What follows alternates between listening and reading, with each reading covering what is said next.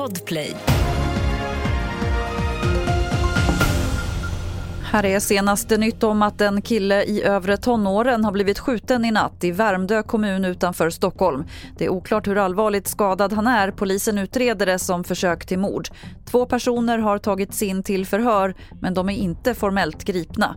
Polisen tittar på om det finns kopplingar till andra våldsdåd. Omfattande protester har brutit ut runt om i Mellanöstern efter attacken mot ett sjukhus i Gaza City igår med flera hundra dödsoffer. Vem som ligger bakom attacken är inte klarlagt. Israel och den terrorstämplade gruppen Islamiska Jihad i Gaza skyller på varandra. Idag åker statsminister Ulf Kristersson till Bryssel för att hedra offren i terrordådet i måndags kväll. Samtidigt har terrorgruppen IS tagit på sig dådet i Belgien då två svenskar sköts till döds. Och koranbränningar pekas ut som motiv för terrorattacken av Belgiens justitieminister. Fler nyheter hittar du på tv4.se. Jag heter Lotta Wall.